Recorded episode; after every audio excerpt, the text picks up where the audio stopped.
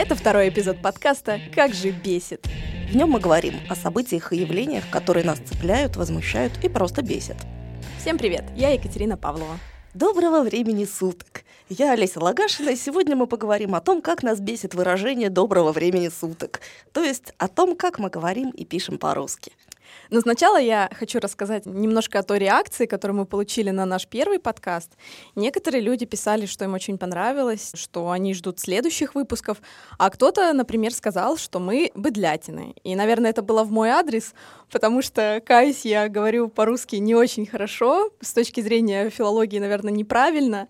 Говорю я с ошибками, ставлю неправильное ударение, я чокаю, что очень не нравится Олесе, паразитами балуюсь. Ну, не в смысле, не те, которые в желудке Еще и матом ругаюсь. Я даже здесь хотела ругаться матом в подкасте, но Олеся не одобрила. Ну, не волнуйся, я тоже ругаюсь матом, а после девятого класса меня чуть было не выгнали из школы за то, что я ругаюсь как извозчик. С преподавателями причем. А вообще я выросла в семье, где, говорят, звонят и кандидируют. И мои родители не получали высшего образования. То есть э, с детства я слышала в какой-то степени неправильную речь. Э, отец у меня вообще строитель, и у них на стройке есть только одна манера речи, хотя дома он старался не ругаться.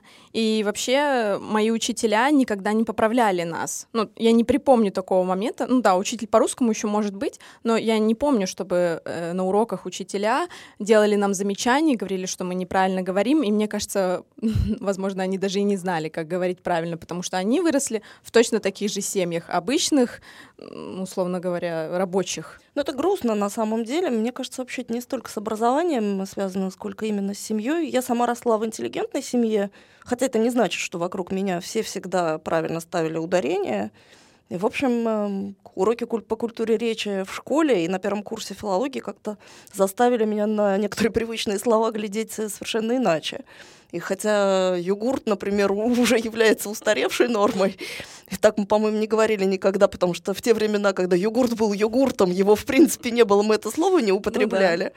Но вот включишь, например, с таким ударением, это абсолютно нормативно, хотя так мы тоже не говорим. Но, пожалуй, не будем превращать сейчас наш э, подкаст в мастер-класс по русскому языку. Хотя можно было бы. Ну, в общем, да, может быть, это было бы полезнее, потому что тотальная безграмотность бесит и меня лично, и многих наших читателей. Особенно Гасана Руслана Гусейнова. Ты же слышала, что он в своем фейсбуке написал, что в России, где проживает много разных национальностей, невозможно найти ничего на других языках, кроме убогого, клачного русского, на котором сейчас говорит и пишет вся Россия. И, кстати, кто не знает, Гасан Гусейнов — это преподаватель э, высшей школы экономики, филолог, филоложка. Одного из лучших учебных заведений страны. Да. И он имел в виду, на самом деле, СМИ, и после этого, после его высказывания, в него посыпались оскорбления. И, в общем, вызвал он э, безумную реакцию. Сейчас вся, весь российский интернет только об этом и говорит. Как ты считаешь, Олесь, наш великий и могучий язык действительно становится клачным или уже стал? Э, я думаю, если убрать отсюда политический контекст, эта тема потеряет половину своей актуальности, потому что никого бы на самом деле не возбудило, если бы он просто сказал, что мы все безграмотно говорим и пишем по-русски. Там э, важно что? Важен украинский контекст, да, в котором вся эта тема прозвучала, и то, что Гусейнов противопоставляет официальный русский мир, вещающий по центральным каналам, и мир культурного и, кстати, многоязычного человека. Сам Гусейнов говорит – я противопоставляю этот клавишный язык другому, на котором многие либо разучились говорить, либо не хотят учиться. Это язык телевизионных шоу, это язык ненависти, который можно изучать по комментам к моему посту. Ну, в общем, поэтому официоз на него и ополчился, и сейчас это действительно тема достаточно политически острая в России. Не случайно 5 ноября президент России Владимир Путин участвовал в заседании Совета по русскому языку и заявил о необходимости защищать русский язык от пещерных русофобов. Ну, это тяжелый случай, на самом деле. Мои друзья-филологи уже сказали по этому поводу, вспомнили знаменитую цитату «Товарищ Сталин, вы большой ученый». В общем... Слушай, да он же и Википедию сейчас хочет заменить на большой российской энциклопедией. Я на самом деле думаю, что никто не нанес такого большого вреда русскому языку, как действующий президент России. Да простят меня наши слушатели. Но когда... риторикой он очень сильно изменил. Вот такой просто, простонародный язык. Дело да, даже не столько в риторике. Дело в том, что для слишком многих этот язык становится как бы оружием насилия. Да? Это мой родной язык. Я его люблю, я на нем э, говорю, я стремлюсь говорить на нем красиво, и мне очень обидно, когда в странах, где раньше русский язык был языком международного общения, он становится языком изгоем. Там, от него отказываются в пользу того же английского, что для меня выглядит абсолютно дико. Честно говоря, я бы политику действительно опустила и сосредоточилась на языке. Ты спросила, становится ли он клачным? Я думаю, что это во многом зависит от того, что мы читаем и слушаем.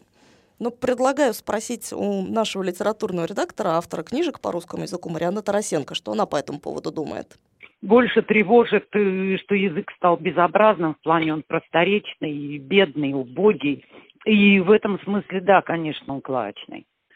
Меня бесит все, меня бесит неправильное ударение. Меня бесит употребление слов, значение которых говорящему непонятно. Э, и меня бесит, э, скажем так, письменная речь безграмотная меня бесит меньше. Потому что она-то как раз более-менее придет в порядок благодаря тому, что все сейчас пишут э, в различных э, соцсетях и СМИ. Меня больше волнует речь устная, тем более, что и письменная речь в итоге отражает ее. Бедная, убогая речь. Я об этом многократно писала. Во-первых, это смена формации политической, при которой всегда меняется язык, как это случилось после революции, так это случилось в 90-е, от которых до сих пор себя не пришли. А во-вторых, то что стали очень мало читать. И когда раньше читали литературу, неважно, там, хорошую, не очень хорошую, серьезную, несерьезную, написанную э, правильным, грамотным языком, этот язык э, закладывался в человека с детства сам.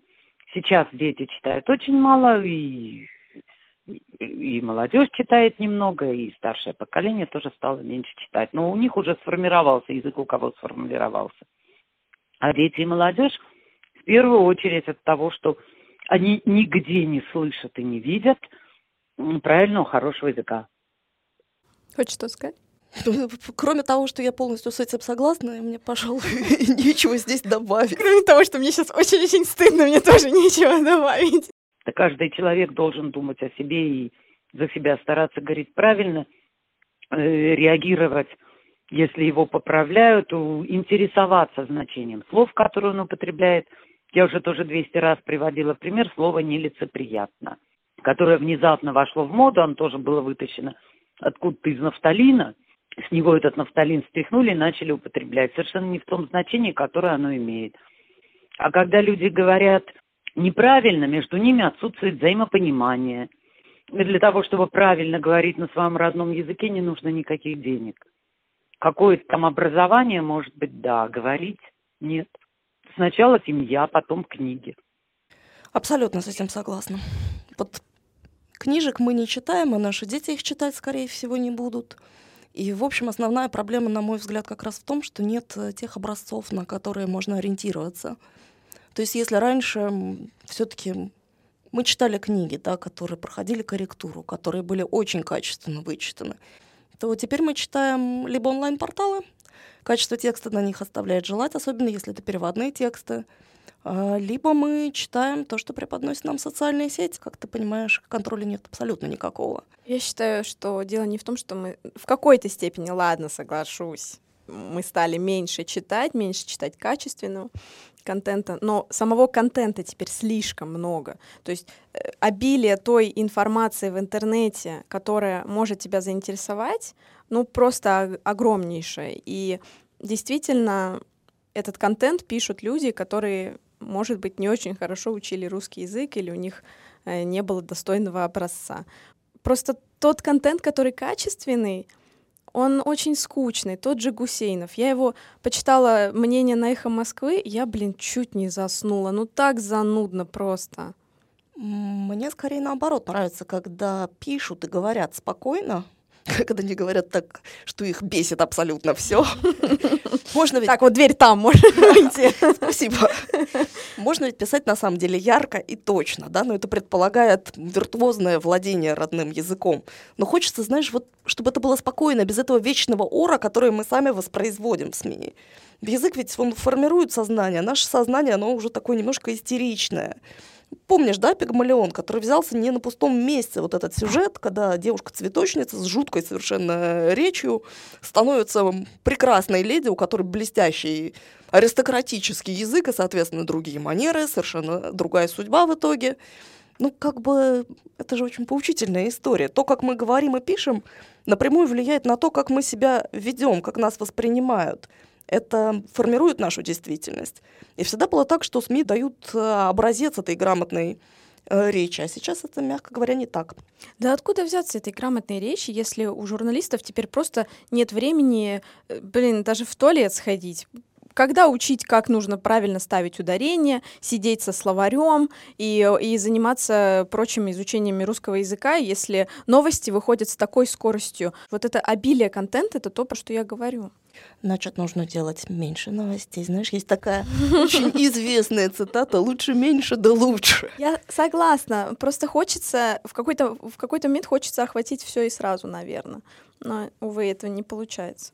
Это все опять э, к тому же, как э, поменялось потребление информации, да, то есть если раньше проверенная информация это все-таки был массовый тип потребления, то теперь э, качественный с языковой точки зрения продукт это нишевое явление, это элитарное явление. Здесь я не согласна с Марианой Викторовной. Все-таки образование а дорогое и качественное образование, конечно, дает свои плоды. Те же самые дворяне имели деньги, нанимали лучших учителей, у них было э, тет-а-тет образование. И книги писались э, теми же высокообразованными людьми, которые сразу писали на грамотном русском языке. Что... Многие из них писали по-французски и говорили по-французски лучше, чем по-русски вообще-то. Ну, да, в том числе как бы. И, соответственно, дети читали эти книги, у них, ну, не было вот всего остального, и плюс крутое образование. А бедняки говорили просто и с ошибками, и теперь э, у нас те же самые общеобразовательные школы, в которых э, учителя тоже не всегда знают, как правильно говорить, и, соответственно, также э, учат э, говорить и детей. И мне кажется, ты согласна со мной. Да нет, на самом деле. Не сильно я с тобой согласна. Мои рабоче-крестьянские предки, мне там аристократии не пахло, но они отлично владели русским языком, потому что вообще-то 20 век ситуацию с всеобщей грамотностью очень изменил. И на самом деле ссылаться сейчас на то, как оно там было во времена аристократии и простого крестьянства, наверное, не совсем корректно. Слишком много времени прошло. И школа у нас все-таки образование обязательное. Да, наверное, есть разница между человеком, у которого было пять уроков русского языка и литературы в неделю, человеком, у которого он один – наверное, ты права насчет того, что не каждый учитель русского языка грамотно говорит по-русски, я с этим тоже сталкивалась, но процентов на 90 врожденная грамотность идет из семьи. На самом деле никакой врожденной грамотности нет, да, как правильно сказала Марьяна Викторовна. Грамотность означает, что дома было принято читать хорошие книги. Для этого не надо много денег иметь на самом деле и вообще не имеет никакого отношения к уровню образования. Можно не пойти в университет, при этом грамотно писать по-русски. А можно поступить в филологическую докторантуру и писать с ошибками. Можно журналистику окончить и писать жутко совершенно. Ты знаешь, сколько сейчас книжка стоит? Я офигела тут. А ты знаешь, что вообще есть э, интернет, где просто отсканированы старые хорошие издания, там этих хороших книжек. Ради бога, открывай, читай хорошую классическую русскую литературу. Твоя правда. Но еще раз, я вот совершенно против выражения, что люди теперь не читают книги. Нет, читают мало читают и читают там сумерки какие-нибудь в переводе ужасном, но они все-таки читают. Я настаиваю, что речь идет о переизбытке информации, и у нас глаз замыливается вот этим не очень хорошим контентом.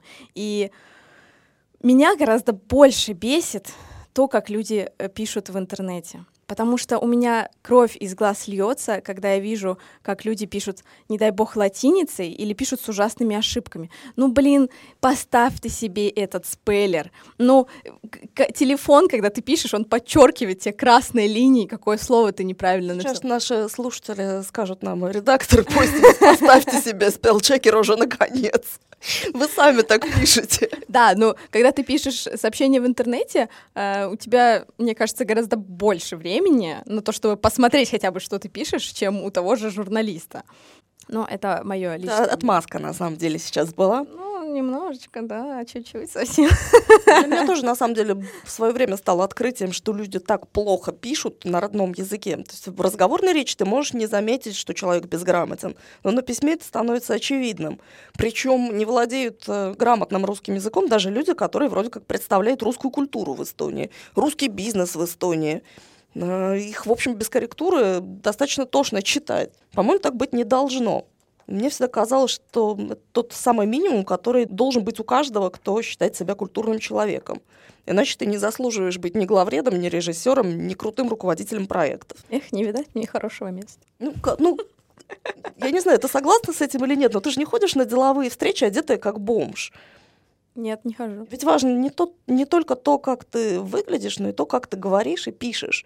Потому что твоя манера речи, она отражает и уважение к собеседнику, и уважение к себе. Если человек специалист в своей области, я готова ему простить его неграмотность, потому что он умеет и знает то, чего не умею я. В какой-то степени моя работа разжевать э, читателю аудитории, что он э, говорит, и превратить это в удобоваримый материал. Ну и, в принципе, ему не нужно в такой высокой манере говорить и знать русский язык. Но я согласна с твоими словами, что тот, кто представляет именно русскую культуру, он не смеет себя называть таковым, если он хреново говорит по-русски. Извините за слово хреново. Главное что? Главное вовремя извиниться.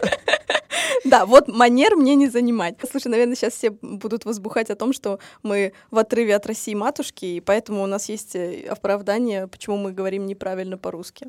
Ага, типа мы вообще-то учились на эстонском языке, поэтому у нас очень плохой э, русский. А разве это не так? Ну, мне кажется, значение этого сильно преувеличено. Я знаю людей, которые прекрасно говорят на эстонском гораздо лучше, чем я, и у них русский родной очень замечательный. Вообще, и по письменный закон... и устный? Да. Вообще, по законам развития языка на периферии язык всегда более консервативен, чем в центре. То есть, по идее, здесь, э, в Эстонии, он может быть в чем-то даже чище, чем тот язык, который существует в Москве.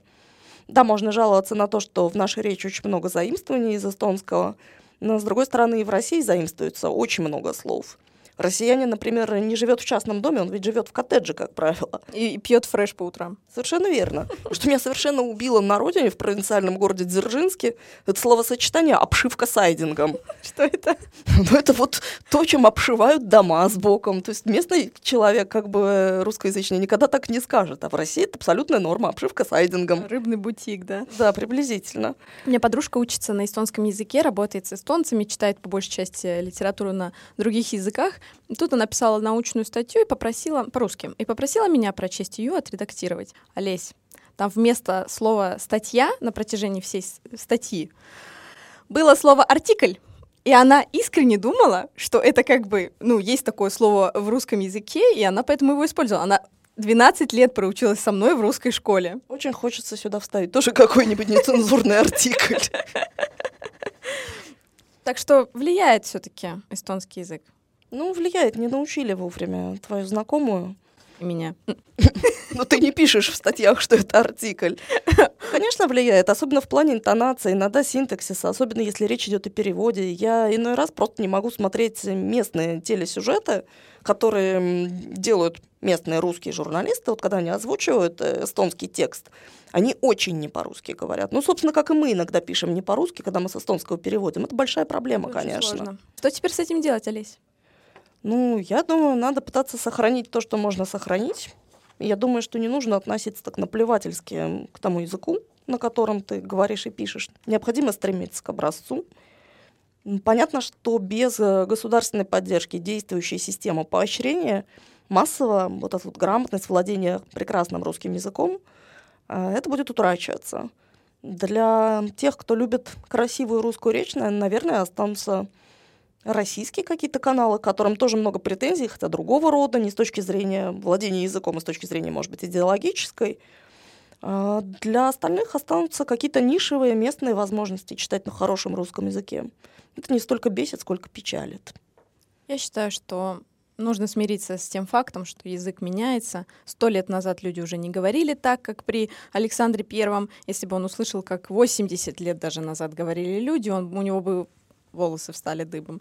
Язык упрощается, сокращается, в условиях глобализации он перетаскивает заимствование в себя. Так что нужно как бы смириться с этим и жить дальше. Да, я согласна, нужно больше денег в это вкладывать, нужно пытаться сохранить какой-то уровень. И не хочется, чтобы называли быдлятиной, как бы это ну, печалит, да. А еще нужно объяснить детям, почему важно поддерживать э, грамотную речь. Если бы я была ребенком, и мне бы объясняли, что э, у меня будет лучше карьера, у меня будет больше возможностей, я буду э, лучше трудоустроена, мои шансы будут выше на рынке труда. Если у меня будет грамотная речь, то я, может быть, какое-то внимание больше уделяла этому. А так ребенку просто наплевать, э, как говорить, потому что он не видит цели. В общем, если мы не мотивируем наших детей, если мы самостоятельно не мотивируем себя, то ни к чему хорошему мы, конечно, в этом плане не придем. Грамотная речь для меня, безусловно, показатель ума и уважения к собеседнику. А, и этому необходимо учиться. Это требует, естественно, каких-то усилий, поскольку никто нам затраты э, на эти усилия не компенсирует. Это, в общем, такая благотворительность и что-то из области самоуважения, но это необходимо, к этому следует стремиться. Будем надеяться, что не все еще потеряно. Спасибо, что слушали нас. Пишите на венасобачка.постимес.е или оставляйте комментарии, что раздражает вас.